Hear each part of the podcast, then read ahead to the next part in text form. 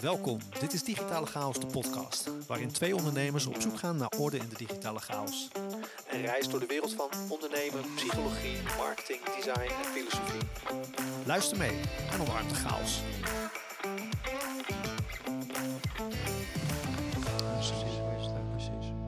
Nou ja, als jullie, eh, als jullie eh, klaar zijn, dan eh, kunnen we wat mij betreft beginnen. Ik ben er klaar voor. Ja? Nou, mooi. Zijn Mooi we weer. beginnen met, eh, daar zijn we weer. Zijn we Ja. weer. Welkom, eh eh, in, de, in de podcast vandaag. ja, de- leuk dat ik er mag zijn. Dat, dat vooral. Dat, eh, bedankt voor de uitnodiging. Nou, wel leuk. Mijn naam is Christian Slierend, Slierendrecht. En ik ben Jasper Giepsma.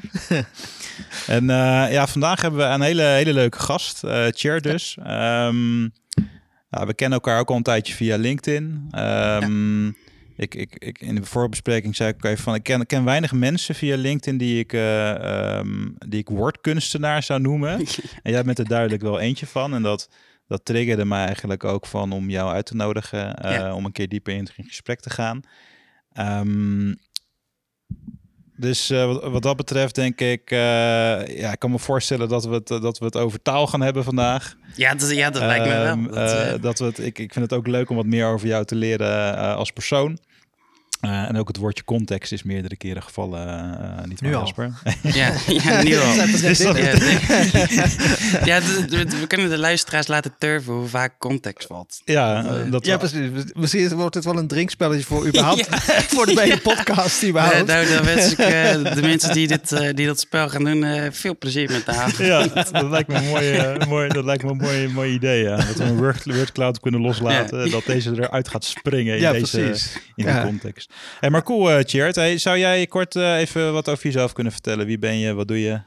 Eh, eh, ja, Tjeerd, Leendertse. eh ik kreeg een, eh, de, meest perfecte woordgrapnaam eigenlijk, want je kan heel veel met Tjeerd. Nou, eh, ik doe veel met taal, schrijf op dit moment eh, tenders, eh, aanbestedingen in, eh, in het Nederlands. Ehm, wat een heel boeiend vakgebied is, waar je ook heel veel met taal bezig bent. En eh, ja, ja, dat eigenlijk. Eh, ik heb journalistiek en digital business concepts gestudeerd. Ehm, vorig jaar afgestudeerd op digital business concepts, maar journalistiek. eh, ja, dat, dat is eigenlijk wat ik nog steeds wel gewoon het liefste doe. En wat in mijn werk ook wel goed naar voren komt. En voor de rest, ja, veel bezig met context, omdat dat. Eh, eh, nou, dat is wel een gra- grappig voorbeeld. Je hebt nu die, eh, die kieswijzers en dan heb je dus stellingen. En ik denk dat ik bij 15 van de 20 dacht van ja, ik ben het hier wel mee eens of niet mee eens, maar het is geheel afhankelijk van de context Ja. waarin je het plaatst. Dus ja, ik ben het er wel mee eens en niet mee eens. En dan wordt zo'n kieswijzer behoorlijk lastig.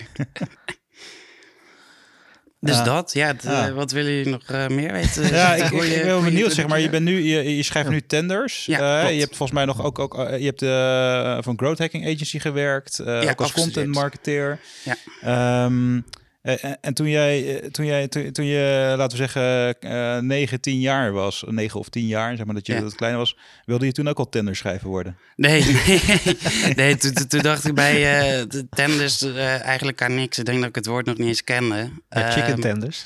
Ja, het- nou, misschien dat, ze, dat, zou, dat zou kunnen. ja.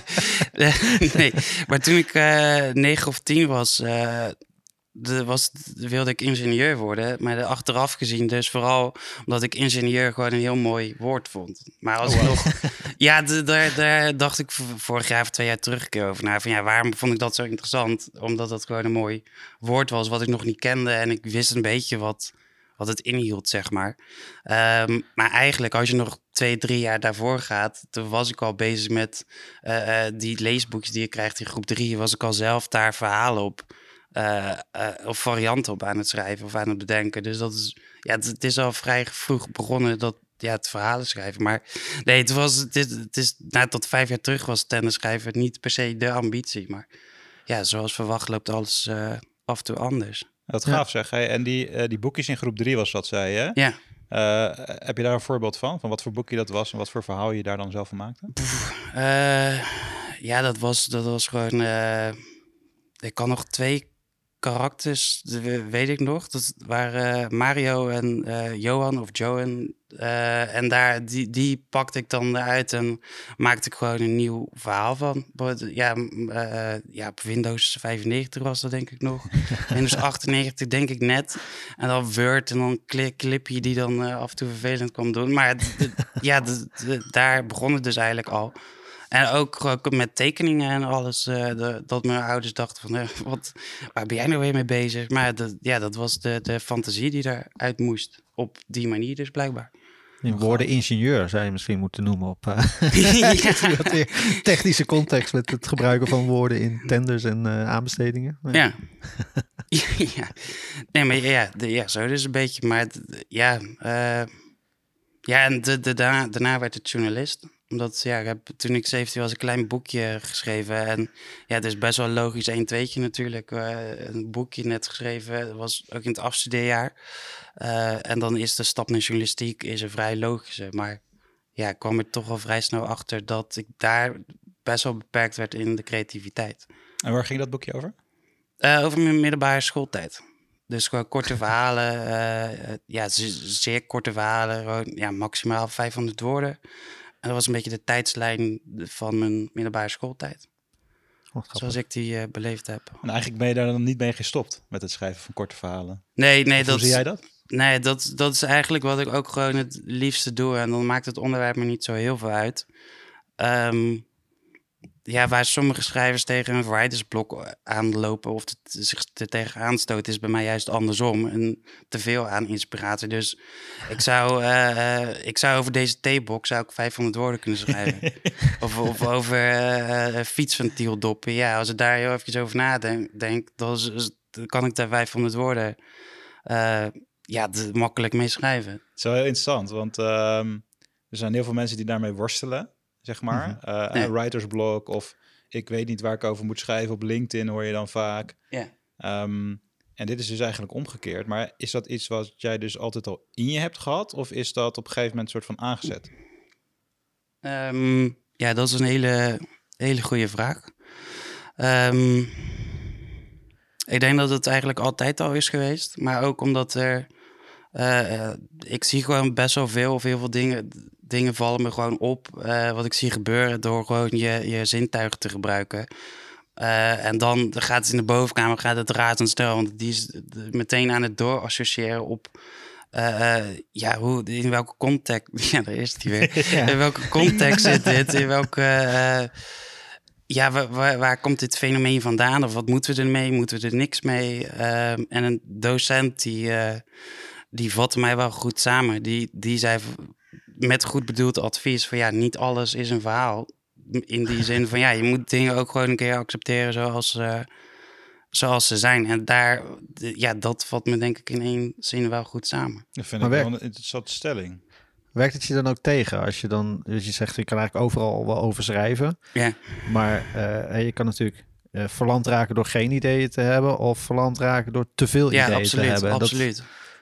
Dat is, dat is ook waarom ik iedere dag wel even eh, een rondje moet wandelen. Omdat anders de bovenkamer gewoon echt afgefikt is. Gewoon echt, echt... eh, nou, ik had, ik had afgelopen dinsdag... eh, normaal is die wandeling is altijd of 's ochtends of rond lunchtijd even een kwartiertje, half uurtje naar buiten. Nou, ik had het nu dus niet gedaan omdat ik best wel diep in, in een onderwerp zat en dat super interessant vond.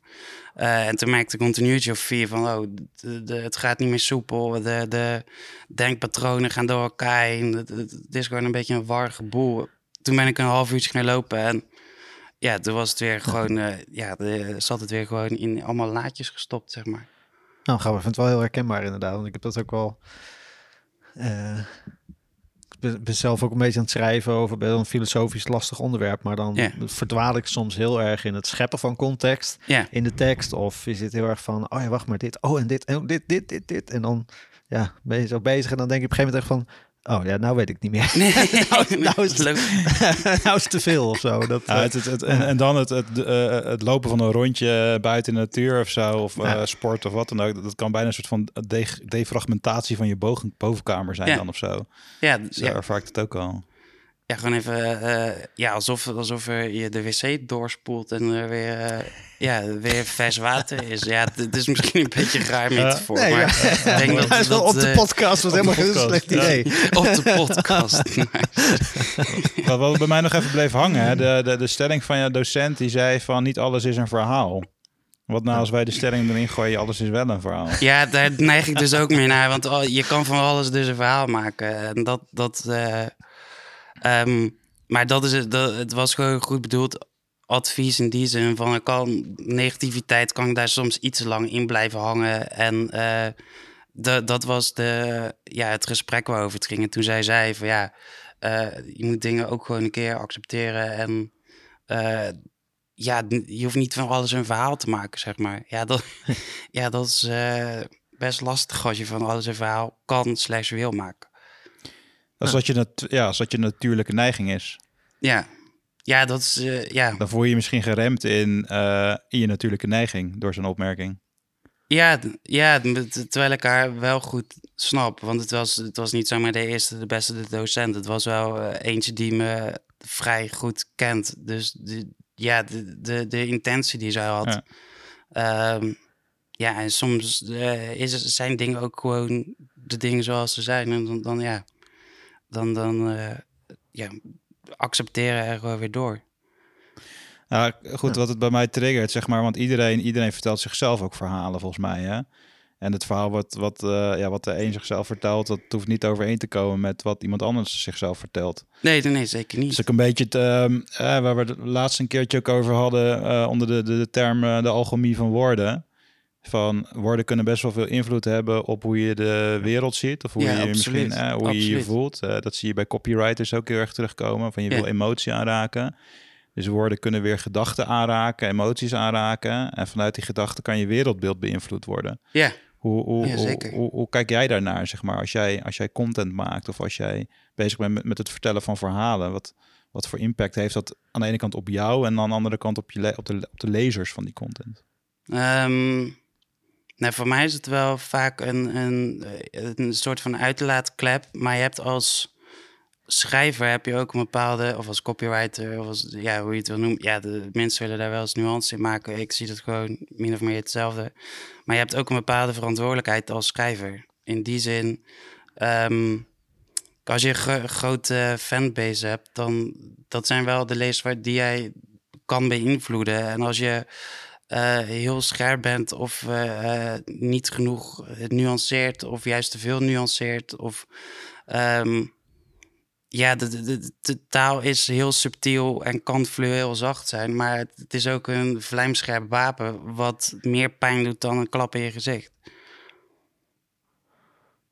Ja, dat is, dat is eh, ja, en het is vooral ook de, de eh, of hoe mensen zich met de woorden associëren. Want ja, eh, wat ik zelf altijd wel een treffend voorbeeld vind, is gemotiveerd en gedreven. Dat betekent min of meer hetzelfde. Alleen gemotiveerd is zo vaak gebruikt dat het een beetje zijn kracht verliest. En als je gedreven hebt, dan zie je echt iemand voor je die, eh, ja, die, die de. de ja, die, die vol tegen een boksbal staat te rammen of echt zijn schouders te onderzetten. Terwijl gemotiveerd, ja, wat zegt dat?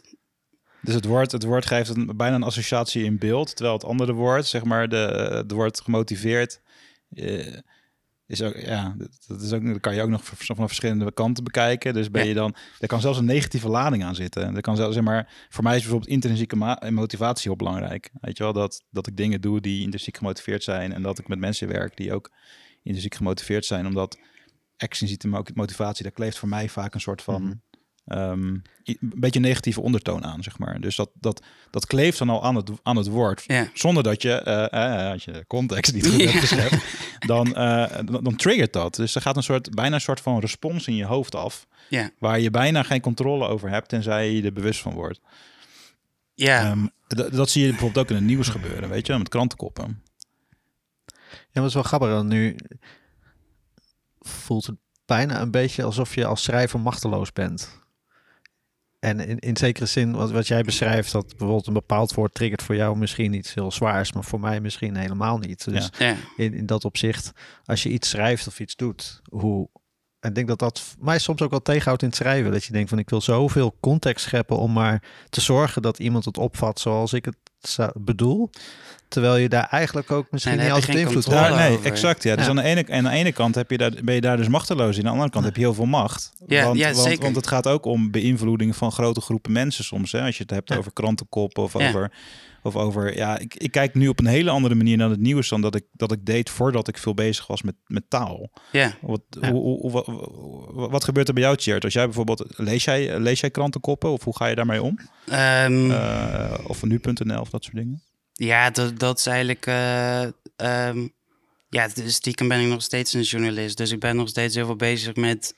Uh, met nieuws en ik lees veel op Twitter. Uh, nou, bijvoorbeeld nu Hamas, Palestina, Israël. Dat, dat, op het moment dat, dat, het, dat Hamas zeg maar, die aanval pleegde, toen ja, ben ik heel echt drie uur lang aan het scrollen geweest. Van ja, wat is nou gaande? De, wat is betrouwbaar? Um, en dat, ja, het, het frame waarin iets gepresenteerd wordt, daar vind ik van dat nieuwsmedia daar best wel bewuster mee om mogen gaan. Al snap ik aan de andere kant ook weer wel dat, dat er gewoon een verdienmodel aan zit. En dat, dat een. Uh, ja, dat een kop of, of een, uh, ja, een, een, uh, een kop die zeg maar veel emoties oproept zonder dat het per se echt de waarheid is, dat daarvoor eerder de keuze wordt gemaakt. Maar het, ik, het, het, zou verfrissend zijn als media, als ze er een keer naast zitten bij factchecken of zo, uh, zouden zeggen van breek, we zitten totaal naast, hier is de gefactcheckte, mm -hmm. ge, gerectificeerde versie. Maar ja, dat, dat gebeurt gewoon te weinig. Maar daar daar zit weer heel veel macht in. Maar inderdaad, ja, ik had er niet zo over nagedacht dat je ook juist heel machteloos bent, omdat je niet in de hoofd van je lezers kan kruipen. Ja, tot een bepaalde hoogte, maar ja, je weet iemand, iemand zijn achtergrond niet en één woordje kan net, net een hele heftige trigger zijn. Ja, wat je in de voorbespreking ook zei soms van hey, in verschillende situaties gedraag je je ook verschillend. Ik, ik heb wel eens het voorbeeld volgens mij uit de opvoeding bijvoorbeeld van kinderen dat paar jaar geleden een keer gehoord van kinderen tegenwoordig zitten in zoveel verschillende contexten dat het ook wel logisch is dat bepaalde uh, ontwikkelingen gaande zijn in de maatschappij. Dat je zegt van een kind vroeger was voornamelijk thuis met ouders, en misschien een keer bij een oppas en dat was het. En tegenwoordig heb je kinderdagverblijf, ouder 1, ouder 2, ja. uh, open oma 1, open oma 2, ooms, tantes. En overal hebben ze een aparte context, een apart set regels, net even andere nuances. En um, je beschreef, in de voorbeschrijving zei je van soms, soms ben je gewoon een ander personage, zeg maar. In de context waar je bent. Op je werk praat en gedraag je je anders dan als je thuis bent. Uh, je gedraag je weer anders als je met vrienden bent. En um, vanuit die context ben je natuurlijk als, ook als nieuwsoutlet of als schrijver of wat dan ook een beetje machteloos. Want ja, hoe vat ik het op als ik op mijn werk ben? Dus letterlijk op mijn werk lees ik ander nieuws dan als ik thuis ben denk ik. Soms maar binnen, binnen zeg maar, binnen, kijk, binnen die andere context, zeg maar, zit dan, um, uh, als je inzoomt, zeg maar, gaat het dan niet meer over met wie heb je de interactie? Um,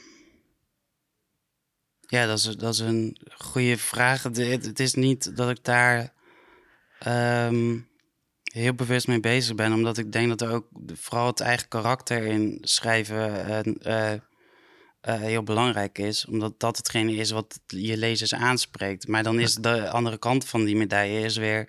je schrijft niet voor jezelf, je schrijft voor je lezer. Ja. En dat, dat, dat is bijvoorbeeld de reden waarom ik uh, ja, nu 254 dagen het woord ik niet heb gebruikt in LinkedIn-post.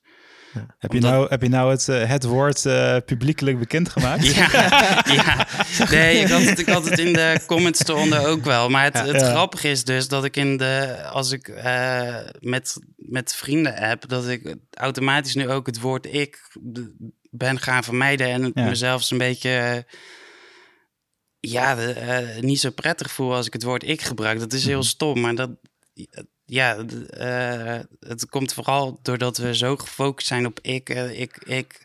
Uh, terwijl het veel meer over wij zou moeten gaan. want ja, ja de, de, de mindset goeroes zeggen wel van ja, leef je mooiste leven. Maar wat als je dat omdraait naar leef ons mooiste leven? Ja. De, de, wat wordt dan de inhoud van een boek bijvoorbeeld? Dit vind ik wel echt een super mooi voorbeeld. Want um, de meeste, de meeste eh, performance coaches, goeroes, uh, mindset goeroes, die, die hebben het over het bouwen van gewoontes. Ja, dus die hebben het over uh, de 5 am club, vroeg opstaan, ja. gewoontes bouwen voor succes.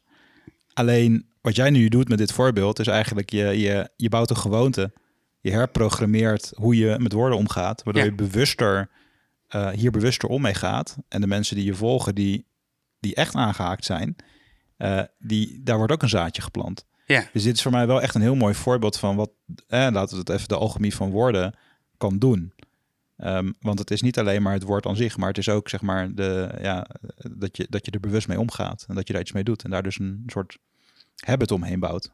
Ja, ja dat, was, dat was eigenlijk om twee redenen. De eerste was dat ik, um, dat viel me echt ineens op dat ik een post zag van volgens mij iets van 250 woorden waar 17 keer ik in stond. Dat is, dat is bijna 10% van alle woorden is ik. Ja, dat is, dat is gewoon echt veel en veel en veel te veel. Uh, en dat had ik misschien beter niet kunnen doen, want toen ging ik er daarna op letten. En toen viel me pas op hoe vaak het woordje ik terugkomt. Terwijl, uh, ja, terwijl nu, nu volgens ja, 200, zoveel dagen, 160 post, volgens mij 13.000 woorden inmiddels, zonder ik te gebruiken. Het, het kan dus wel. Um, en ja, het, tweede is, ik wilde gewoon een routine ontwikkelen qua posten. De, niet iedere dag, maar drie tot, drie tot vijf keer per week. Uh, maar ik wist niet zo goed waarover. En toen dacht ik, nou ja, als ik gewoon het woordje ik weglaat, dan is dat zeg maar mijn regel. Om gewoon wel te posten. Dus het mag over van alles gaan, je mag alleen geen ik gebruiken. Ja, ik wil misschien een inleidingje maken wat waarschijnlijk op de vraag van onze sponsor uh, gaat inhaken. maar je, gaf net, uh, je zei net ook eerder van um, als schrijver schrijf je voor je publiek en niet voor jezelf, zeg maar. Ja. En voor mij zit daar een hele fijne lijn tussen wanneer um, ben je een soort van een masker op aan het zetten en een, een Um, zeg maar, um, niet meer echt vanuit jezelf aan het schrijven. Als je bijvoorbeeld uh, uh, grote muzikanten als bijvoorbeeld Metallica bijvoorbeeld, ik ben daar fan van, ik kijk documentaires ervan en die zeggen altijd van we hebben muziek geschreven die we zelf leuk vonden.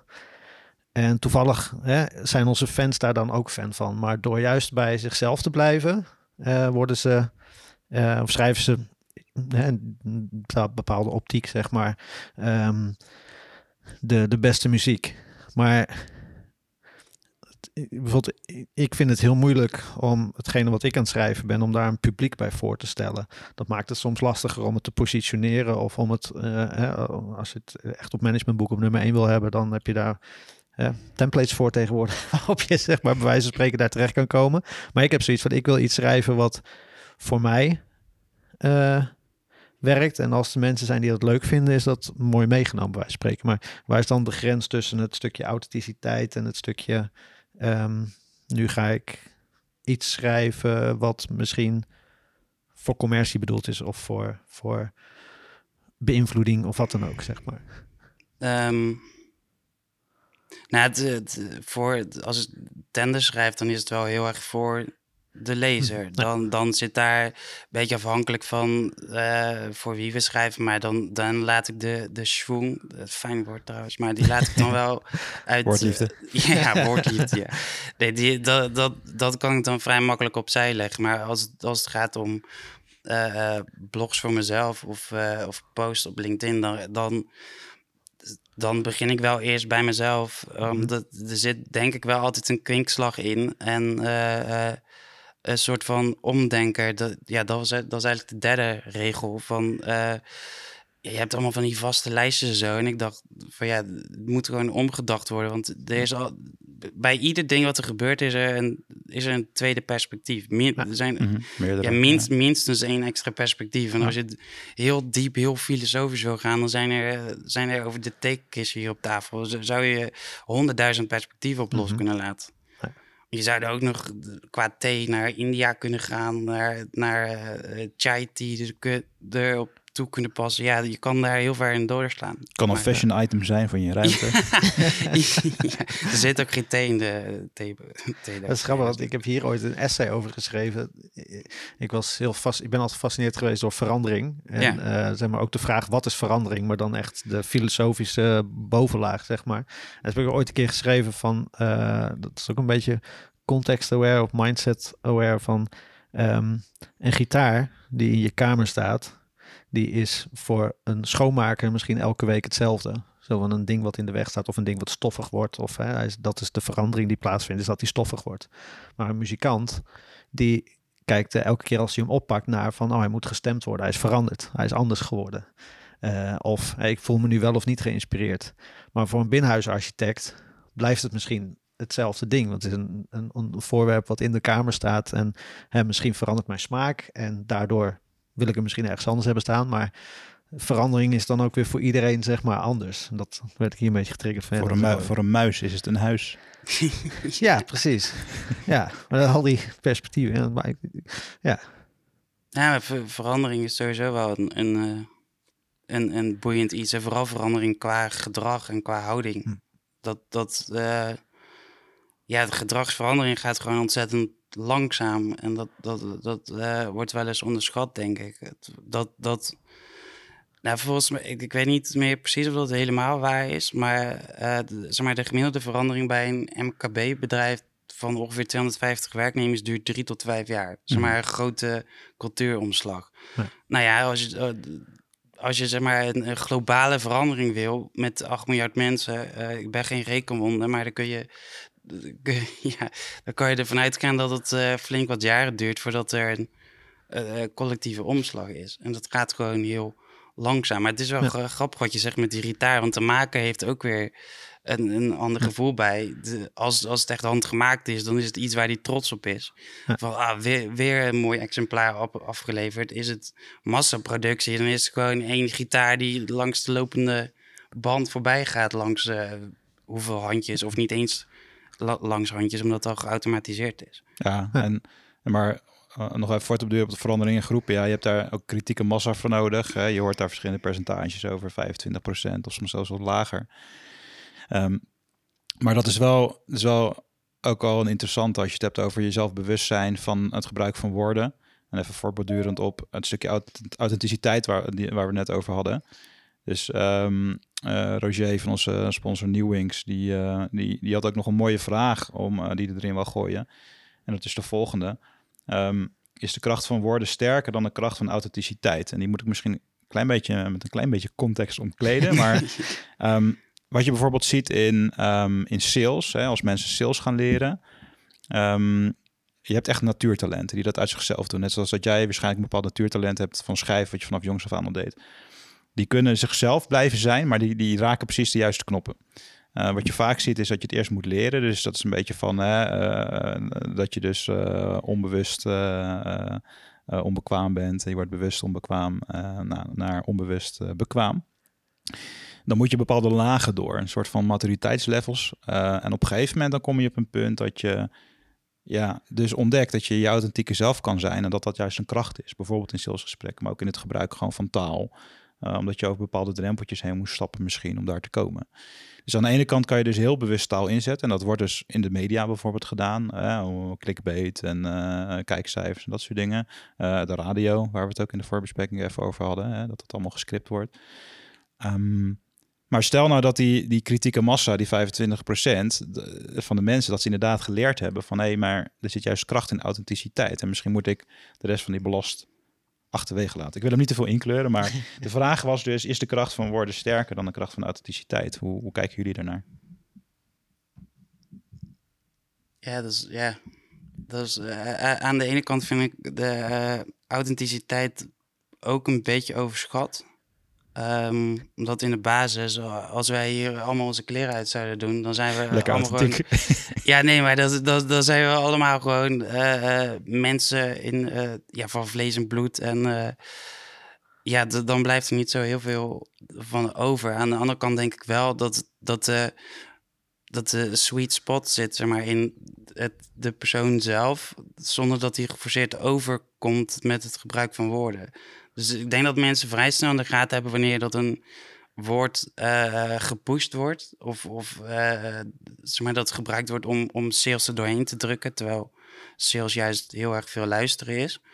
Um, maar ja, ja, dat, de, ja, ik vind het wel goede vragen waar ik niet zo, zo ja, ik zit weer, weer meteen allemaal de, de, de, andere kant van het verhaal. Van ja, bestaat authenticiteit? bestaat uh, uniek zijn? Bestaat dat wel? En, maar het, ja, het, ik denk dat bij in het geval van sales is het gewoon heel goed luisteren naar wat iemand zegt. En vooral wat hij niet, misschien eigenlijk nog wel belangrijker, wat iemand niet zegt. Ja, eens. Ja, goed. Ik vind het wel grappig. Want ik, ik moet nu denken aan, nu je het verhaal zo vertelde, aan. En uh, ik zal geen namen noemen, maar een, ik had het laatst uh, met mijn compagnon over een gedeelde kennis. Uh, jij kent hem ook overigens, maar um, die nu op LinkedIn um, veel post, tegenstelling tot die jaren eerder. Um, met op zich een hele goede boodschap, heel goed productdienst wat hij wat hij wat hij aanbiedt. Alleen je kan merken dat hij zijn eigen post niet schrijft. En had het zo over, ja, ik ken die persoon als iemand heel anders, zeg maar. En die komt nu heel salesachtig over op LinkedIn. En, en is echt wat, nou, noem het even de, uh, de x aantal regels van LinkedIn aan het toepassen, zeg maar, op, op die post. En dan aan de ene kant heb je zoiets van, ja, um, hetgene wat erachter zit, of het product wat erachter zit, sta ik best wel achter. En dat is best wel een goede boodschap. Maar ik herken hem niet meer in, in, in de tekst, zeg maar. Dat is dan toch een beetje, creëert dan toch wel iets geks, zeg maar. Dan verliest iemand zijn eigenheid of zijn, zijn, zijn manier van zijn, zeg maar. En dan mis ik wel een soort van connectie op dat moment. Maar is, het, is het gebrek aan herkenning, zit het dan in het totale tekst of door, door het, het wel of niet gebruiken van specifieke woorden? Of is het gewoon gevoelsmatig dat het... Ja, het is gewoon denk ik een beetje gevoelsmatig, maar ook de, de, de, tekst... Het, het voelt commerciëler daardoor of zo. Het voelt gemaakter en het voelt als een, als een soort van truc die toegepast wordt in plaats van dat het um, iemand is die zijn eigen verhaal of zijn echtheid toepast, zeg maar. Maar de vraag is aan de andere kant of dat dan wel had aangesproken als hij het anders zou schrijven. Ja, en, dat en misschien... Of dat, en of dat erg is, zeg maar. Zeg maar als het resoneert met je doelgroep. Nou, kijk, je ziet het in branding bij bedrijven ook. Uh, je wil niet dat er een disconnect zit tussen, uh, dus wat je uit, uit, uitspreekt en uitstraalt aan de buitenkant en wat je ervaart als je bijvoorbeeld gaat samenwerken. Die, het liefst wil je dat in één lijn hebben, want dan, dan, dan, dan, dan, dan voel je die disconnect niet. Um, maar tegelijkertijd, ja, als het ene werkt om iemand over de drempel heen te brengen, net zoals, oké, dan kom je een beetje in het nudging, misschien zelfs. Um, mag je iemand uh, nudgen of beïnvloeden om, zodat degene, diegene stopt, gaat stoppen met roken bijvoorbeeld. Um, ja, als het een positief effect kan hebben, ja, heilig is het, is het, is het, is het, is het middel dan niet geheiligd vanwege het doel, zeg maar. Nou, absoluut. Kijk, dit, dit, dat voorbeeld haal ik vaak aan als je het hebt over uh, UX design, zeg maar, waar wij mee werken. We werken ook heel veel met, uh, zijn heel bewust, zeg maar, van de cognitieve biases die je hebt, alsof de, de, de, noem je dat, de vooroordelen of de automatische patronen die je hebt in je, in je hoofd. En ja, je kan met interfaces, met tekst, met taal, kan je natuurlijk mensen echt beïnvloeden of overtuigen van dingen of, of hè, sturen in bepaalde dingen. Maar dan komt die weer context. Is dan weer heel belangrijk, want inderdaad in de mhm. context van een app om iemand te laten stoppen met roken, die wil beïnvloed worden misschien wel. Die, die kiest daar bewust voor, zo van ik wil hier vanaf, dus hè, alle remmen los, ga maar. Maar als je het dan hebt over een verkiezing in politiek, ja, dan tot waar, waar trek je dan de grens, zeg maar? Waar, tot waar mag je dan gaan om iemand echt te gaan beïnvloeden tot een keuze die die misschien authentiek gezien niet zou maken? Ik heb even een haakje. Hebben jullie, luisteren jullie wel eens naar 3FM toevallig? Nee. De luister, luister de maar na de leegloop daar is... Tegen, tegenwoordig... Ik luister, alleen ik, ik, luister, ik luister eigenlijk normaal gesproken alleen naar podcasts. Maar tegenwoordig... Ik had vandaag, vandaag en gisteren... Ik had een paar dagen dat ik door mijn databundel heen was. Dus ik moest wel radio opzetten in de auto, toen ik in de auto zat.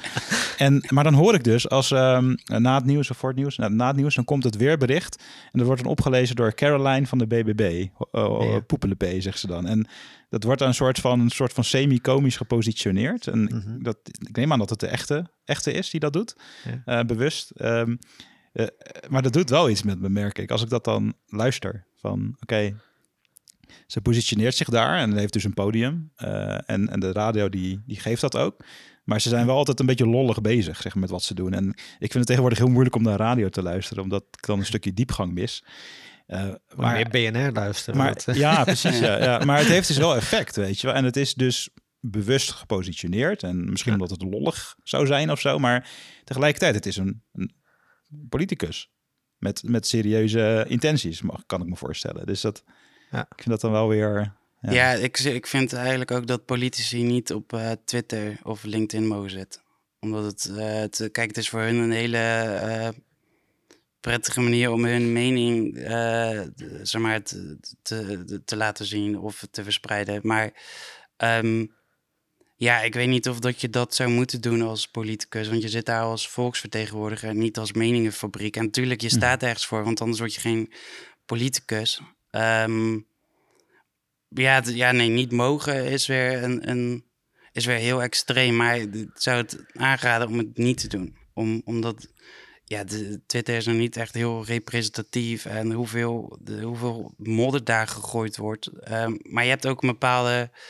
Uh, publieke functie waarvan ik vind van ja, ja moet, je, moet je per se heel scherp zijn op Twitter of moet je daar discussies uitvechten met andere politici? Uh, uh, maar ook dat ze tijdens debatten op hun telefoon zitten. Nou ja, mm. ja daar snap ik eigenlijk ook niks van. Want dan, dan heb je dus een, een, wet of een voorstel om mobiele telefoons op middelbare scholen uh, uit te bannen. En dan, dan zit je zelf tijdens, maar ook echt serieuze debat die echt, echt ergens over gaan. Ja, dit, kijk, multitasken is, dat bestaat niet. Je kan maar op één ding volledig gefocust zijn. En als je aan het scrollen bent of toch even aan het, aan het tikken, of, ja, ik, ik denk niet dat dat heel, uh, heel goed is voor de kwaliteit van debat. Ja. Maar, ook, maar ook dat het, de, de, de toon die bijvoorbeeld op Twitter zit, dat die onbewust uh, ook de Kamer mee wordt ingenomen. Want ik heb er best wel veel interesse in. Maar bij de, of bij de uh, politieke beschouwingen na, de, uh, na Prinsjesdag, ik ben na een uur ben ik gestopt. Ik dacht, ja, het gaat helemaal nergens over dit. Het is veel te persoonlijk. Het gaat niet echt over, ja. over inhoud. En dat heb ik bij meerdere debatten gehad. Ik dacht, van, interessant onderwerp waarover gediscussieerd moet worden. Maar ja, dan, wordt het weer heel persoonlijk. En dan denk ik, ja, jongens, dit. ja, dan gaat een beetje meer, meer over emotie dan over inhoud. Ja, maar dan, ja, dan. Ik vind in die rol speelt de authenticiteit van, van een politicus speelt voor mij minder een rol dan, dan, uh, dan de daadwerkelijke inhoud. Ja. Al, ja, dus ik, ik vind dat mooi hoe je dat omschrijft. En uh, ook zeg maar binnen dat kader. Want als ik bijvoorbeeld uh, kijk naar het dagelijks leven op LinkedIn. Um, je ziet daar best wel ook, en sinds de komst van AI helemaal, maar je ziet gewoon, je ziet gewoon welke creators of welke mensen nog een soort een stukje van zichzelf in hun content door laten schijnen. En ik denk dat van, zeker van degene die vaak posten, dat gewoon nou, 80, 90 procent is wel gewoon, ja, zie je templates terug, zie je AI gebruik, zie je gewoon ja, een soort van, of, of, of, of een andere als ik weet niet waar ik over moet schrijven. Dus ja, zeg maar, ik heb een rijtje van, van favoriete mensen die ik volg, waarvan ik gewoon, die, daar lees ik bijna elke post van, omdat ik gewoon weet dat dat echt gewoon een stukje authenticiteit van hun in zit. En dat onderscheidt hun content. Dus zoals, betreft, zoals mijn post die één keer, één keer in de drie jaar verschijnen. En dan, dat is ook makkelijk, meteen makkelijk op lezen. Klik meteen op lezen ja, Ja. Precies. Ja. Nee, maar dat is zeg maar... Ja, ik weet niet. Maar eh, wat dat betreft denk ik wel dat authenticiteit een kracht kan hebben... in de zin van... Um, het triggert mij dus om bepaalde mensen wel te blijven volgen op de lange termijn. Terwijl ik kan me heel goed voorstellen dat zeg maar, het gebruik van die templates... en het voorbeeld wat we net besproken... van dat kan goed werken op basis van een doel, op een doelgroep ja, als dat je doel is, gewoon conversie, ja prima, weet je. Um, ik zelf vind het ook belangrijk om een soort van uh, ja, te creëren om van te kunnen leren, weet je wel. En daarom ook deze podcast en het uitdiepen van die onderwerpen. Uh, dus ik probeer altijd te toetsen aan de lange termijn, laat ik het zo zeggen. Ja, ja, ik kan niet ontkennen dat ik wel gebruik maak van, van schrijftechnieken om het gewoon leesbaarder te houden. En ja, templates vind ik lastig, want dat is dan gemaakt in, de, in het brein van iemand anders. En daar, ja. dat vind ik gewoon echt lastig, want dan moet ik dus uh, ja, eerst, eerst begrijpen wat, hoe dat iemand dat zo bedacht heeft. En dan vervolgens nog mijn eigen sausje overheen gooien. Het, het kan wel, maar ja, qua technieken, zeg maar, opsommingen. Ik doe opsommingen als het meer dan drie woorden zijn, dan maak ik er een rijtje van. Ja. Uh, en in opsommingen, uh, ik kies altijd het langste woord als laatste, omdat dat gewoon uh, vinden we op een, een of andere manier prettiger om te lezen. Ja. Dus, dus wel op die manier en ook het gebruik van cijfers of een, gewoon een stelling die, die reacties oproept. Ja, dat, dat doe ik wel. Maar Ja. het is niet dat het templates of door, door, door AI geschreven is of zo. Dat, dat zou ik ook echt een ja, dat, dat, dat, zou ik mezelf haast kwalijk nemen als schrijver. Als ik zeg maar de volledige tekst die door ChatGPT of noem het maar op is geschreven. Dat, dat, ja, dat zou echt, echt een groot pijn in mijn hart zijn als ik dat, dat zou moeten publiceren. Maar kan, het, ja, het, het, is wel een, het is gewoon een handige assistent eigenlijk in sommige gevallen. In, of nou, in veel gevallen is, is AI een AI-toepassing is, is gewoon een handige assistent. Het is een fijne sparringpartner. Ja. ja. Soms ook heel frustrerend. Ik heb wel eens ruzie gehad met chat. Ja? Hij wilde niet luisteren. Ja. Ik kwam niet Ja. door zijn proeftijd. Had je, niet, had je niet alle context meegegeven in je vraag? Ja, juist wel. Maar ik wilde iets... Wat was het nou? Ik vroeg iets en dat, toen reageerde hij in het Engels. Toen zei ik, doe het maar in het Nederlands. En toen vergat hij alle regels die ik daarvoor had opgegeven. Dus ja. dan moest ik al die regels weer herhalen. En toen zei ik, doe dit maar nog een keer met deze tekst. Ging hij weer naar het Engels. Ja, dat werd eh, een beetje irritant. Ja. Nou ja, het, Maar, ja. het is natuurlijk wel de kwaliteit, kwaliteit van de out- output hangt af van de kwaliteit van de input. Ja, En dat is mensenwerk. En dat, dat is eh, ja, een, een prompt, zoals dat zo mooi heet. Echt ver- verschrikkelijk woord inmiddels, omdat het zo vaak is gebruikt. maar ja, één zin, dat, dit, ja, dat, dat is vrij simpel natuurlijk. Dus het- ja, we hebben een soort van basisscriptje eh, voor idee-generatie via, via onze grote vriend eh, Chat. Maar nee, ik wel erg grappig niks over nadenk, is dat je misschien door ChatGTP ook al bewuster wordt van context.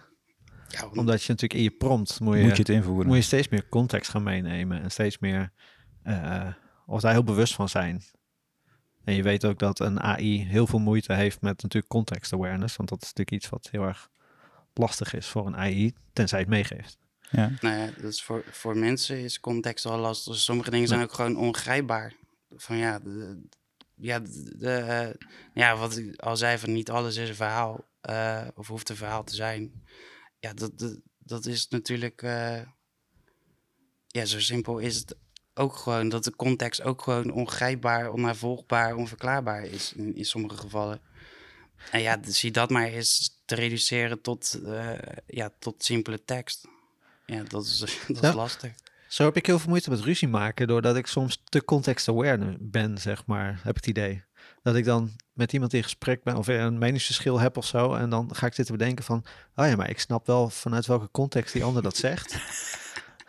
ja, en dan snap ik al waar Dan dat kom je in vandaan een, in een komt. context loop. Kom je Kom je dan. in een contextloop, ja. en daardoor lijkt het soms alsof ik eh, eh, heel makkelijk, eh, mensen heel makkelijk over me heen lopen. Nee, niet over me heen lopen, maar nee, soms, soms ben ik, ja, zit het me ook wel eens tegen, die context awareness, zeg maar. Ja.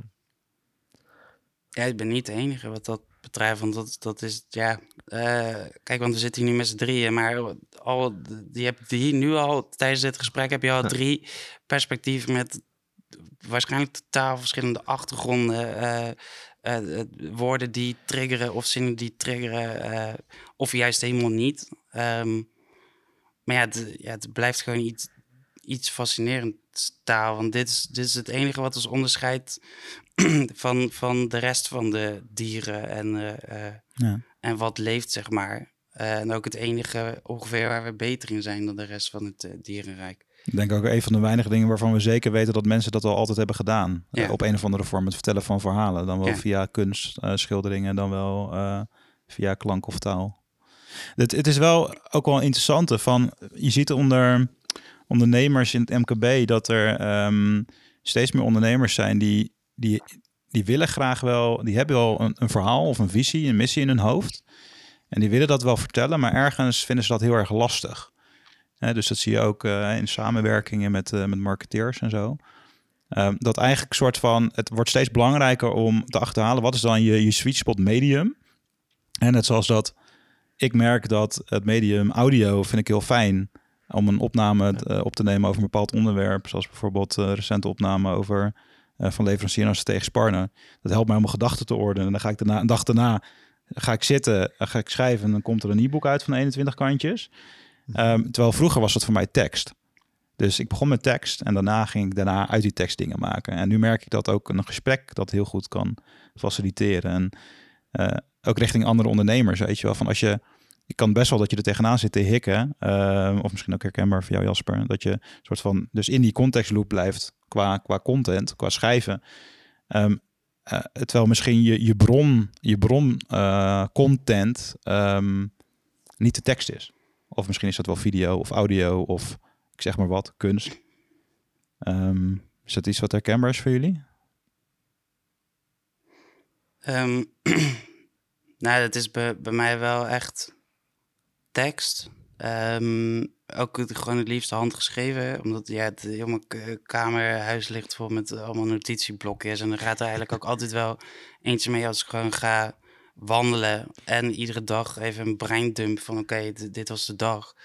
En daar haal ik dan weer vervolgens ideeën uit die ik dan even snel tik of iets. Maar kan, ik kan me voorstellen dat audio voor mij ook heel goed zou kunnen werken. Uh, toen ik nog journalistiek deed, zou ik heel, was, was mijn voorkeur om uh, radio te gaan maken. Omdat dat het medium is wat het meest tot de verbeelding spreekt. Uh, waar je alles met geluid over moet brengen. En dat, dat is met tekst eigenlijk ook. Moet je ook het, ja, moet je ook tot de verbeelding spreken, want anders wordt het gewoon niet gelezen. Ik, ik merk dus bij mezelf dat ik in tekst nu nog sneller verbanden leg soms. Uh, omdat ik daar comfortabeler mee ben misschien. Ja. Um, maar ik wil dat het liefst op hetzelfde level krijgen op audio. Dus ik merk dat ik op audio loop ik misschien nog iets achter.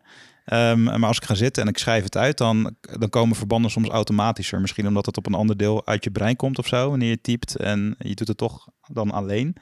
Terwijl met audio en in gesprekken, dan heb je wel de component interactie die dus rijker is. Want anders is de interactie alleen maar met je eigen brein en je eigen uh, ervaringen. En als je dat doet met andere mensen die dus juist een andere prikkel kunnen geven, dan ontstaan er ook weer nieuwe dingen. Weet je, ook een beetje het co-creatie effect wat je dan krijgt. Dus dat vind ik wel een heel hele interessante gewaarwording eigenlijk. Ja, mij in een eerdere podcast was gezegd uh, betekenis door interactie of zo. Dat, dat, soort um, dat soort dingen. Ik, ik denk voor mij ook wel dat interactie inderdaad, podcast of in ieder geval audio, dat dat wel heel goed werkt om met mensen te praten of met mensen te sparren en dat soort dingen. Ik merk dat ik soms vastloop in het opschrijven, omdat dan mijn hoofd sneller gaat dan dat ik kan schrijven. Of ik te veel verbanden ziet, waardoor het, of zie, waardoor het soms lastig is om dat allemaal te structureren soms. Dat, dat merk ik wel vaak. En ik kan soms wel tijdens het wandelen, zeg maar, een soort podcast inspreken in mijn hoofd. Ik weet dat wel herkent dat als je aan het lopen bent, dat je dan eigenlijk ineens gaat nadenken over iets. En dan eigenlijk een heel verhaal aan het schrijven bent, of aan het vertellen bent aan jezelf. En dan zit je thuis, ga je achter je klapblok zitten, achter je computer. En dan denk je van, oh ja, maar waar begon het? Heb je wel eens geprobeerd, geprobeerd om dat letterlijk te doen? Gewoon je oortjes in en dan net, net alsof je een telefoongesprek aan het voeren bent, maar dan gewoon recorden? Zou misschien een. Uh... Ik ben al een ja, tijd terug, volgens mij, uh, door, door jou getriggerd om uh, af en toe voice memos naar mezelf te sturen in uh, Je kan tegenwoordig een gesprek of een WhatsApp gesprek met jezelf hebben. Dan kan je af en toe voice memos daarin sturen. Dus dat, dat is iets wat ik wel ben gaan doen. En ik heb sinds tijden nu een notitieboek. Een soort journal-achtig ding. En daar heb ik ook nu een paar keer uh, gewoon s ochtends, als ik merk dat mijn hoofd te snel gaat, gewoon gaan schrijven. En dan gewoon een heel A4'tje vol schrijven. Dus ook een A4-boek. Heel A4'tje vol schrijven. En dan maakt het niet uit waarover. Dan kan het zo mhm. zijn dat je begint met, uh, oh, ik zit op mijn kamer en ik denk aan dit en ik denk aan dat en ik denk aan zus. En dan uiteindelijk schrijf je het allemaal wel weer uit. En dat is ook al een soort van brain dump, waar je dan je dag ook alweer een soort lekker mee kan beginnen of zo. Ja. ja. Heb jij dan nog een bepaalde routine in Church? Um, ja, die, die breindumps dan en veel noteren ook zijn maar uh, steekwoorden en um, ja, vrij veel posts die op LinkedIn komen. Dat zijn gewoon wandtekens. Ja, dat is een video, filmbegrip, maar dat is gewoon één stuk. En dan heel misschien dat ik even de leesbaarheid iets meer aanpas. Maar daarna gaat het gewoon het wereldwijde web op. En dan, dan, dan zien we het wel wat mensen ervan vinden. En slaat het aan, dan slaat het aan. Slaat het niet aan, ja, dan uh, weet, weet ik in ieder geval dat ik een soortgelijke post of onderwerp misschien nog één keer kan testen. Eh, en als het dan weer niet aanslaat, dan, dan moeten we het daar gewoon niet over hebben. Of, of misschien een half jaar later wel weer. Uh, want, want de, de, de, tijdsgeest is natuurlijk ook heel belangrijk binnen de context. Sterk, ik denk eigenlijk dat dat min of meer hetzelfde is. En dat dat ook best vaak onderschat wordt. Dat uh, ja, ik vind het eigenlijk in het Duits, het Zeitgeist, vind ik het eigenlijk mooier klinken. Hashtag woordliefde. ja, hashtag woordliefde, ja. Zeitgeist is ook een, een filosoof die daar ja, heel Hegel. Ja, Hegel. Uh, daar, daar, daar komt het ook vandaan. Maar als, als, uh, uh, ja, als voorbeeld, en ik hoop niet dat ik nu digitaal gelincht word, maar in, in, 2000, in 2006 was er een documentaire van Tegenlicht of Brandpunt, een van de twee. En de, de titel was Winston Bogarde, de, de neger die nooit boog. Ja, nu ik het uitspreek, voel ik al het ongemak. Gemak. Mhm. Maar doe je dat, zou die documentaire nu uh, uitgezonden worden? Never, nooit niet. Ja. Dat is het, nee. volstrekt ondenkbaar en terecht ook. Um, maar ja, de, dat is binnen het tijdsbestek van, van 15, 15 ja, ja, één generatie ongeveer, is dat volledig gekanteld. Terwijl het toen uh, primetime werd uitgezonden op uh, Nederland 2 was. Ik denk dat toen op Nederland was. Nederland 2, ja, dat, dat, dat geeft gewoon aan dat, dat tijdgeest, uh, ja, dat, dat dat zo belangrijk is. Net als de context waarin iets gezegd wordt of... -hmm. Ja, grappig, gewoon, dat, dat, herken ik uit. Ik ben recent de serie. Um, oh, dan ben ik ineens de naam kwijt. Met Molly Sculder. De X-Files. X-Files terug gaan kijken. En dat is een serie uit de jaren negentig. Maar als je, dan, als je daar dan nu met een moderne bril naar kijkt, dan zie je af en toe situaties in die serie dat je denkt. Ja, dat zou tegenwoordig niet meer uitgezonden worden op die manier. of zou niet meer zo gefilmd worden, laat ik zo zeggen.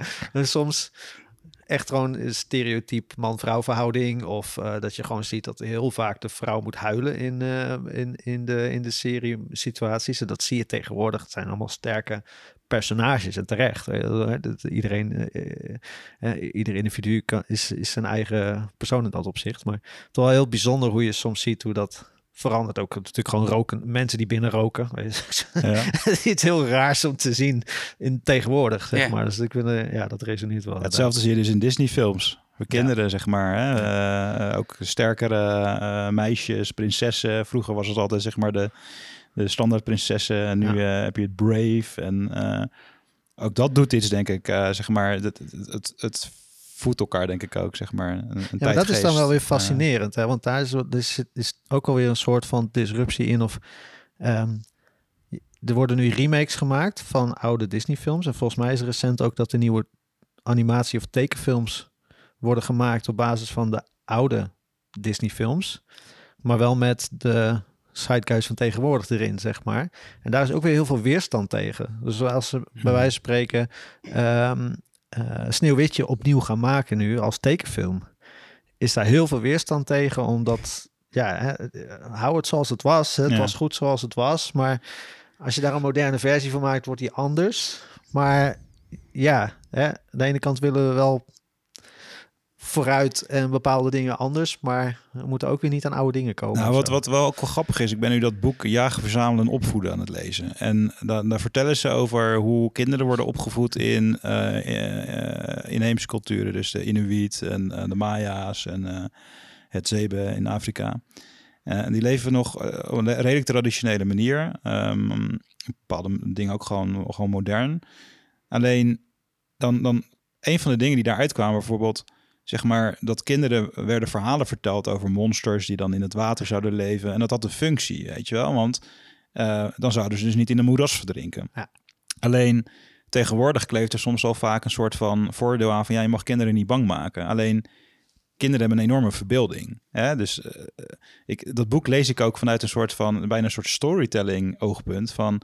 Uh, je, je, kan je kinderen, die, die, die hebben zo'n verbeelding als je, als je verhalen vertelt, ook al zijn ze niet waar, die kunnen daar heel erg in meegaan. Die kunnen daar een, beeld van vormen zonder dat ze misschien echt um, oprecht, oprechte angst ontwikkelen, maar een soort spelenderwijs kunnen leren. En hoe meer we dat weg willen schaven, zeg maar. Want we zeggen van ja, nee, nou, zo'n zo'n sprookje kan best heftig zijn ook. Hè? Zeg maar als je sprookjes leest van Grim. Zeker. Echt, ja, ja, je moet worden opgegeten door een wolf. De originele of, sprookjes zijn best gesneden. wel heftig, ja. Maar dat, ja, dat komt emotioneel binnen. Maar het, het, komt dus wel, het heeft dus ergens een soort van morele functie gehad. Ja, en als je dat allemaal weg gaat poetsen, ja, wat, wat blijft er dan over? Dat vraag ik me soms ook af.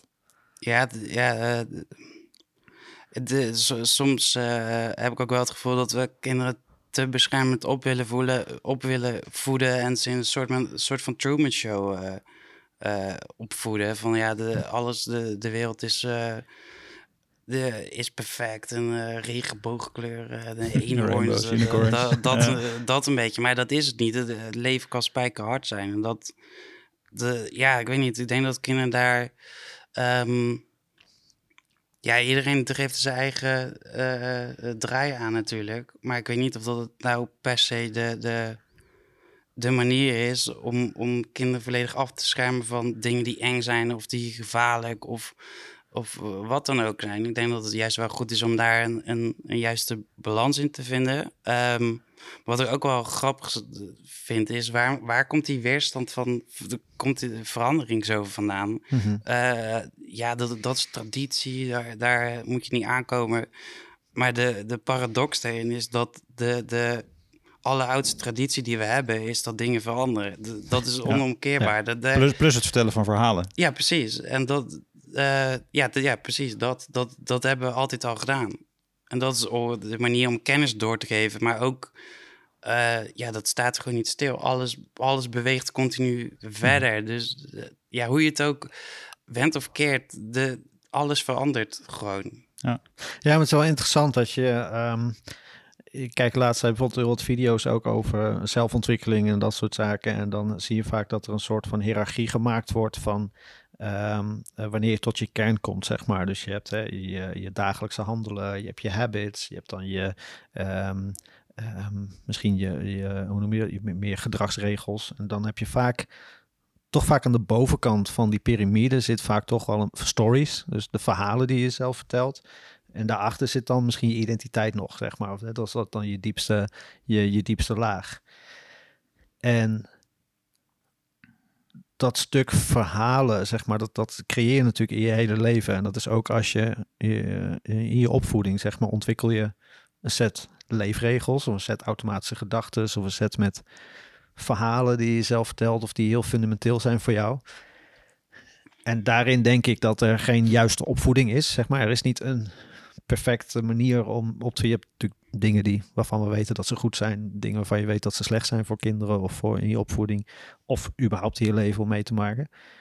Maar het wel weer bijzonder als je het hebt over verhalen, hoe krachtig dat kan zijn. Dat als je bijvoorbeeld in therapie bent, dat je ehm, gaat kijken naar welke verhalen vertel je jezelf. En kan je daar ook een ander verhaal van maken. En hoeveel invloed dat kan hebben op jouw identiteit of op jou, ehm, op jou als persoon.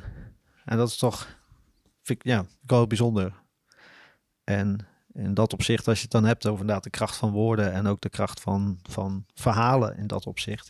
Ja, dat is gewoon immens. Soms ook de kracht van stilte, denk ik. Als ik eh, die, die voorbeeld van die, van die inheemse cultuur en de westerse wereld pak, zie je dus dat in, in de westerse wereld heel vaak kinderen die krijgen heel vaak eigenlijk heel veel, heel veel bevelen. Zeg maar, doe dit, doe dat, doe dit niet. Um, en in die inheemse culturen, als een kind uh, over, over de rode gaat, gewoon uh, gefrustreerd is of gaat schreeuwen, dan wordt het vaak gewoon genegeerd. Dan krijgen ze gewoon even tijd om af te koelen. En als ze rustig zijn, dan gaan ze weer in gesprek of dan hebben ze het erover, zeg maar. Ja. En eigenlijk, eigenlijk, dus de takeaways uit het boek zijn dat, zeg maar, die, die traditionele uh, jager-verzamelaars manier uh, daar is het veel meer, um, er is veel meer rust eigenlijk. Kinderen die, werken, die, die, die helpen meer mee, um, zijn veel zelfstandiger vaak. Zijn vaak al, mm. als, ja, dan zie je gewoon in, in, in het oerwoud uh, bij de Maya's, zie je gewoon kindjes van vier, vijf met kapmessen rondlopen. En die verwonden zichzelf niet. Ja, omdat ze daarmee zijn opgegroeid. En ook om, omdat ze misschien minder zijn gecorrigeerd. Ja, maar uh, ik vind dat de, de nuance daar soms wel weer in dat je... Um, in die tijden, zeg maar, de, de, de levensverwachting of de levens, uh, van hoe, hoe, oud je kon worden, helemaal gemiddelde, noem je dat, levens, nou ja, de gemiddelde leeftijd waarop je zou sterven, zeg maar, veel lager lag. Nee, maar dit gaat over een huidige bestaande Nou, Maya oh, eh, ja, ja. stam, Ja. zeg maar. Ja. Ja. Ja. Maar dat verschil heb je zeker, ja. Maar dat is... Ja, de, de, de kracht van stilte inderdaad. Stilte kan ook eh, oorverdovend zijn. Als het gewoon helemaal stil is. Omdat je dan... Dan ga je tegen jezelf praten of juist helemaal niet. Maar dat is... Ja, ja. Hoe zijn we, hoe zijn we eigenlijk bij, bij het onderwerp kinderen uitgekomen? Want ik heb, ik heb zelf geen eens eh, kinderen. Maar het, ja, het, zijn wel de... de het zijn wel, of, zij zijn wel de toekomst natuurlijk. En dat... eh, ik denk dat kinderen een hele confronterende spiegel voor jezelf kunnen zijn. Zeker. We kijken naar de enige ouder hier in het Ja, groepje. oké. Ja, de- nee, ja, de- vertel eens. ja, Ja, brand, brand Brandlos. Nee, maar dat zijn ze zeker. Dus Ja. die, die voelen dus haar fijn aan als, je, eh, als jij dus in je hoofd bezig bent met eh, jezelf een verhaaltje te vertellen wat misschien niet helemaal eh, accuraat is. Of eh je weet precies op welke knoppen ze moeten drukken om je op zang te jagen. dus da- da- daarom vind ik dat zo interessant. Van juist, juist het pakken van rust. En dus van je af. weet je, kijk, dat, zie je bij de dieren heel erg vaak. Hè? Dat de dieren die hebben een soort van natuurlijk talent om als ze gestrest zijn, weet je, dat zie je bij, bij vogels of bij, eh, bij wild, zie je dat. Dan zijn ze gestrest. Dan zijn ze even omdat ze in contact komen met een roofdier of zo. En dan schudden ze het van zich af. Weet je wel, een eend die dan zo nou, wegvliegt. Dan gaat hij weer vrolijk verder met zijn leven. De kinderen hebben dat nog heel erg in zich. Maar volwassenen die, die blijven in hun hoofd zitten vaak. En die vinden het heel lastig om dat van hen af te zetten. Waardoor ze een soort van in die stress blijven hangen of zo. Ehm, We zijn ons te bewust van die stress. nou, misschien. misschien wel, ja. ja. Maar ook, ja, goed, ook, eh, zeg maar stilte. Van als je stilte laat vallen, ja, wat gebeurt er dan bij jezelf? Het is best wel interessant om die vraag ook te stellen. Ja, Kunnen we de stilte laten vallen in de podcast kijken, kijken wat voor effect het heeft of, of mensen, mensen afhaken. ja. Nou, om te kijken wat dat voor effect bij onszelf, bij onszelf he- heeft. Ja. Ja, precies. Het wordt toch... Ja, ik ben, ik ben heel erg van de neiging om het in te gaan vullen. Ja. Maar waar, waar komt die neiging vandaan? Dat is, of waar eh, laten we st- stilte iets verder trekken naar ook gewoon eh, per se iets te doen moeten hebben. En niet, niet, dat is ook een manier van geluid natuurlijk. Wa- wa- waar, waarom eh, moeten we per se ieder moment van de dag met iets bezig zijn? En waarom niet gewoon even gewoon vijf minuten op een stoel zitten, gewoon voor je uitstaren? Ja. Waar, waar komt die drang vandaan om om het per se te moeten vullen of zo. Terwijl als je het juist... Ja, de, ja, de rondje wandelen is een goeie. Want dat is de, ik doe dan ook geen oortjes in of zo. Ik ga gewoon wandelen en luister dan vrij bewust naar wat mensen op straat tegen elkaar vertellen. De, de nieuwe vorm van straattaal. van ja, wa- wat wordt, eh, wat wordt er in de straten verteld? Waar hebben mensen het over? Dat is, dat is fascinerend waar het allemaal over gaat. Van, van eh, irritaties tot, tot eh, ja, een spoedcursus kunstgeschiedenis tussen een vader en zoon die, die dan eh, de schilderij in handen hebben of zo. Het, ik vind dat veel leuker eigenlijk dan naar muziek luisteren. En daar haal ik ook weer inspiratie van aan. Van ja, wat, wat, ja, wa- waar hebben het mensen op straat over? Want die, je kan het wel online vinden op forums of zo, maar dat is, eh, dat is niet de, de echte versie van iemand. Daar zit veel meer achter. En daar kom je op, als je gewoon door een winkelstraat loopt, kom je daar veel meer achter. Van oké, wat is er nou precies gaande hier? Hoor ik daar nou een nieuwe, een nieuwe newsletter? eh Ja, daar, daar dat is serieus zo. Dit, zo, kunnen. dit triggert wel. Ik denk wel van, zeg maar, als je elke dag het rondje doet en je pikt dingen op, en maar een soort nieuwe straattaal. Dat, ik zou dat wel een heel interessante rubriek vinden. Ja. Niet om je om nog meer ideeën te brengen hoor. Nee, nee, nee. Nou, nee, maar dat is wel een goeie. Want dat, dat is... eh, eh, ja, dat was... Ik, ik hoorde die tip... eh, eh, dat wa- was tijdens corona, denk ik. Zo'n... eh, ja, hoe heet die partij ook weer? Onzekere Tijden of zo. Die hadden toen zo'n zo'n boekje uitgebracht. En daar was ook een eh, webinar over. En daar was dus de tip van... Ga gewoon eens op straat... Of ga gewoon een stukje wandelen en luister heel bewust naar welke gesprekken er worden gevoerd. En, en sindsdien eh, doe ik dat regelmatig. Het is niet dat ik altijd heel bewust daarmee bezig Mhm. ben. Omdat het af en toe ook gewoon eventjes hoofd leegmaken is. En eh, bewust naar dingen luisteren kost gewoon energie. Maar het, eh, dat is best wel goed eigenlijk voor... eh, Volgens mij is dit een trend voor, van Gen Z op het moment. En dat heeft een term. En ik weet niet of het silent walking heet, iets in die richting. Maar het is nu zegbaar, er worden door uh, millennials en boomers en zo op Instagram worden daar allemaal uh, parodietjes van gemaakt. Van Gen Z, zeg maar jongeren nu, die um, dus op uh, social media een soort van opscheppen of in ieder geval zeggen van ja, wat je echt moet doen is je telefoon thuis laten. Al je, al je social, ook geen muziek meer nemen, wat dan ook. En gewoon een rondje gaan wandelen. En dat wordt bijna hip gemaakt. Terwijl dan heel veel millennials en, en boomers zeggen van... Uh, ja, Gen Z heeft iets nieuws ontdekt. Wandelen. Oh. Ja. of een rondje lopen. Maar dus met, met, andere woorden, deze rubriek kan nog 10 of 20 jaar blijven bestaan. Ja, precies.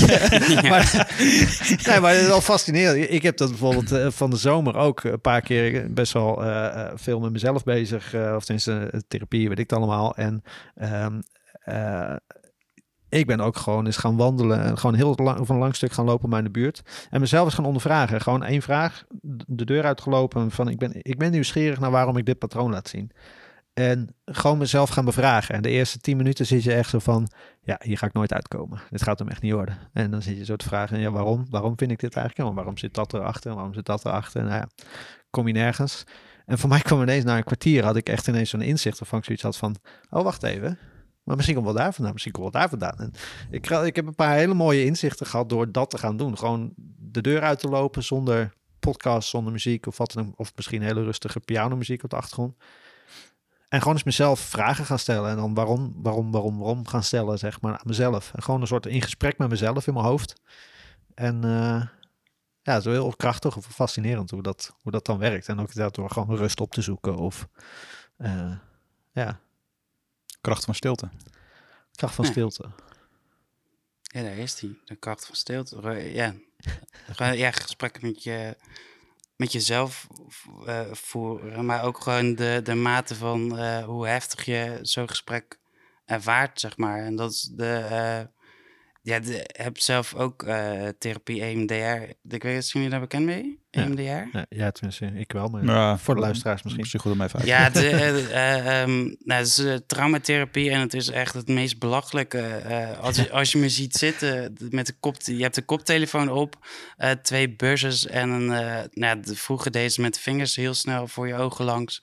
Nu is dat gewoon een, een lichtbalk en dan moet je met je ogen moet je, de, de, ja, moet je het licht volgen. En dat gaat vrij rap.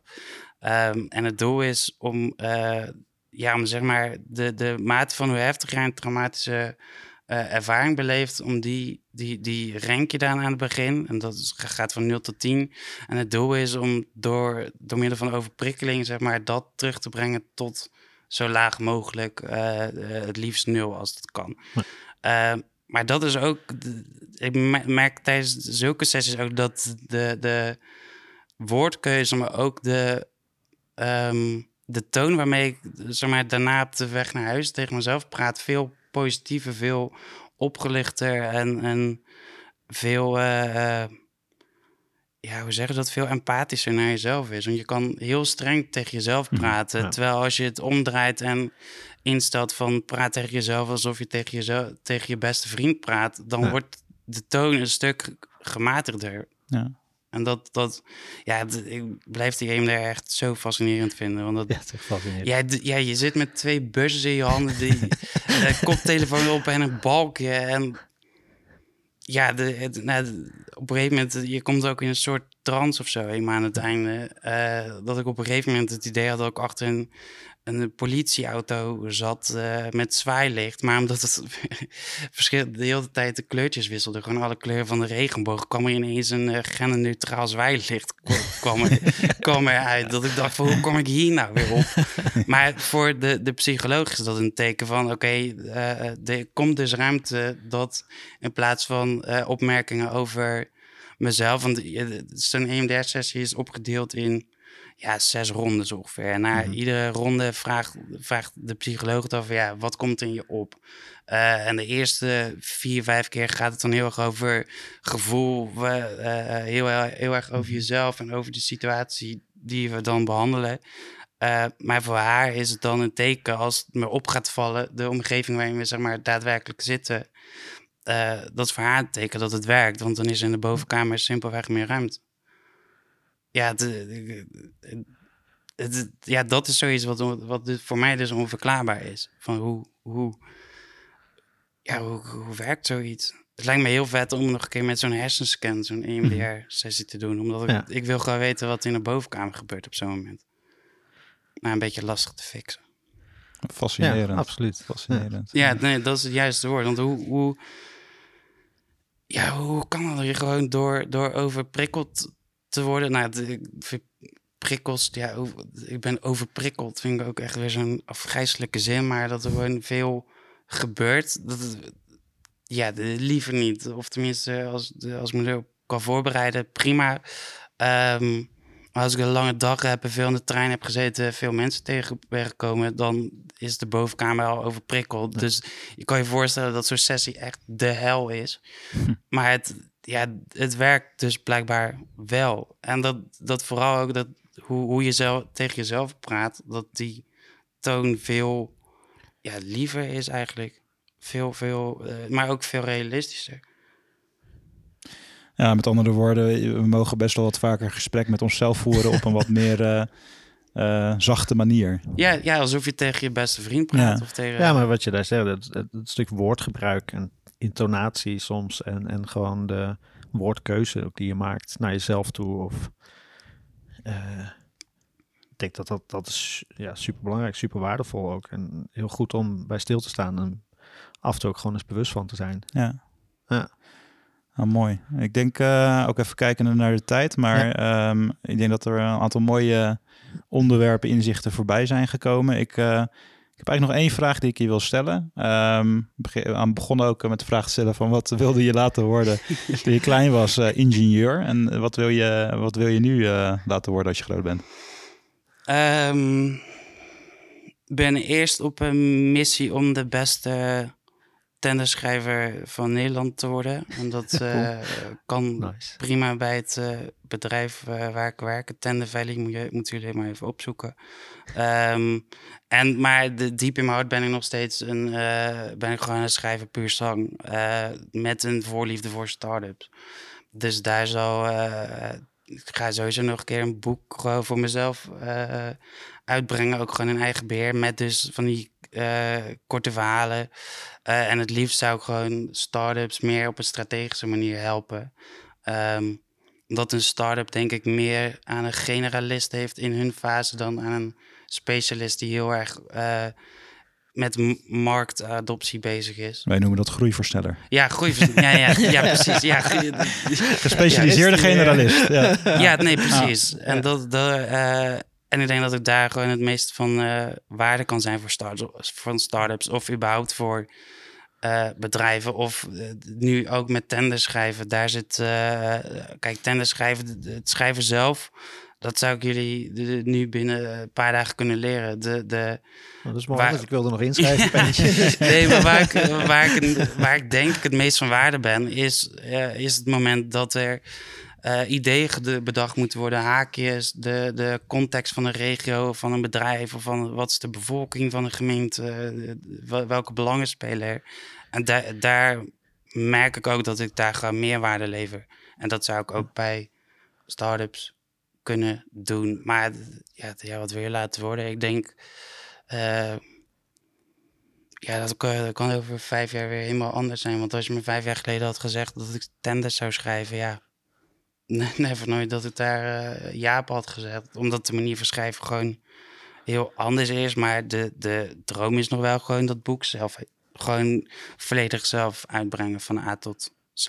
Gaaf. Nou, geef ons even een seintje als je, als je ermee bezig bent of eh, als die op publicatie eh, bijna staat. Dan Ja. ontvangen je Ja, graag nog een keertje terug eh, als gast. Nou, mooi. Nou, dan moet ik wel gaan eh, tikken. Ja, toch? En, Dan moet- ja, dan heb je stok achter de deur. Ja, Gewoon een deadline, gewoon even een deadline zetten. Deadline anders. plus, plus een jaar. Ja, ja, ja.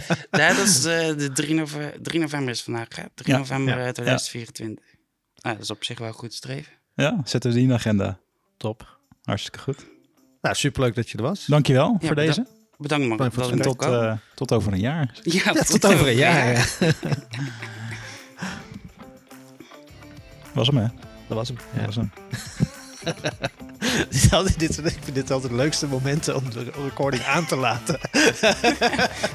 Dat mensen zich ineens even zo die rust en dan denkt van... Ik ben benieuwd of dat de mensen dronken zijn.